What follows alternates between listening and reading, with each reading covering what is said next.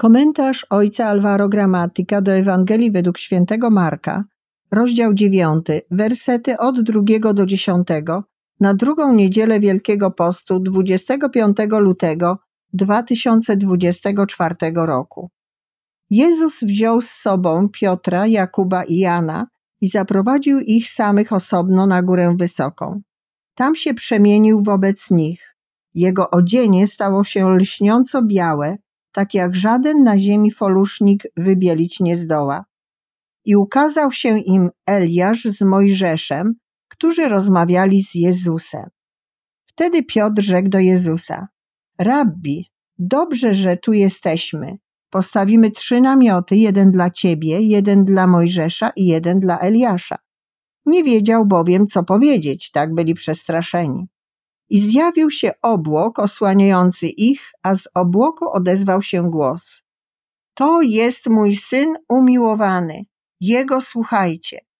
I zaraz potem, gdy się rozejrzeli, nikogo już nie widzieli przy sobie, tylko samego Jezusa. A gdy schodzili z góry, przykazał im, aby nikomu nie rozpowiadali o tym, co widzieli, zanim syn człowieczy nie powstanie z martwych.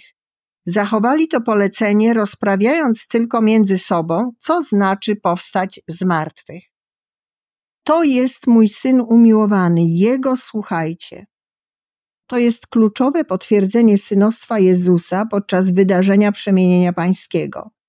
Jest to zaproszenie do słuchania Jezusa właśnie dlatego, że jest on umiłowanym synem Ojca, Jezusem, którego lśniąco białe szaty przypominają niewinność Adama, który był przezroczysty przed Bogiem.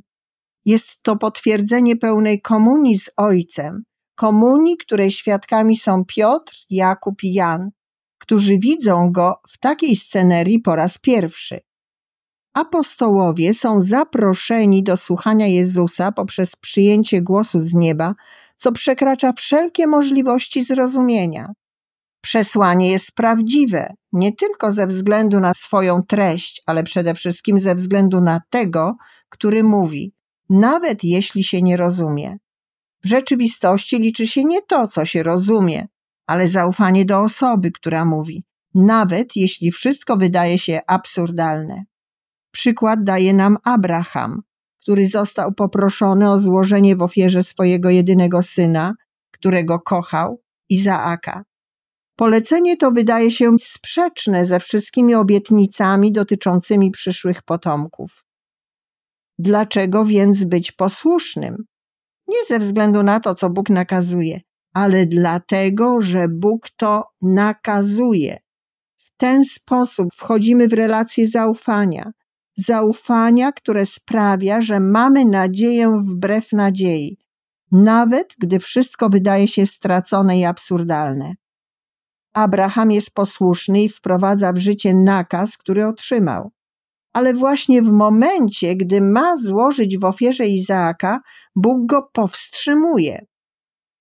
Abraham podniósł swe oczy i zobaczył barana, którego Bóg przygotował do złożenia w ofierze zamiast Izaaka. W tym tkwi klucz do nauki słuchania z ufnością. Podnieść oczy i spojrzeć inaczej, zobaczyć to, co Bóg dla nas przygotował. Są takie chwile w życiu, kiedy nie rozumiemy, co się dzieje.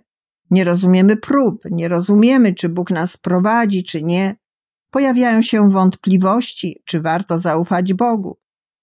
Co robić w trudnych i ciemnych czasach?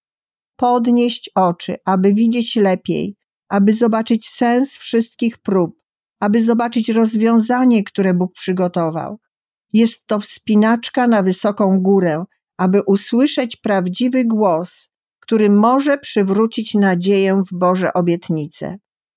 Podniesienie oczu oznacza rozpoczęcie słuchania Słowa Bożego, dialogu z tym, który potrafi obiecać i ofiarować zmartwychwstanie. To słuchanie i dialog nazywa się modlitwą. To modlitwa dystansuje nas od problemów i sprawia, że patrzymy na nie zgodnie z Bożym widzeniem. Dopóki patrzymy na problemy z naszej wysokości, będą nas one przerażać. Ale jeśli spojrzymy na nie z wysokości Bożych obietnic, wtedy zobaczymy rozwiązania, które Bóg dla nas przygotował. Modlitwa wznosi nas na wyżyny Boga, daje nam zaufanie do Jego słowa i sprawia, że czujemy bliskość Jego miłości. Nie pozwólmy, aby życie nas oskarżało, ale podnieśmy nasze oczy, aby zobaczyć, że Bóg się na nas nie gniewa. Jest to takie samo doświadczenie jak podczas przemienienia. Apostołowie widzieli przemienionego Jezusa rozmawiającego z Mojżeszem i Eliaszem, a zaraz potem zobaczyli go ponownie, bez tego światła. To był wciąż ten sam Jezus, ale widziany innymi oczami.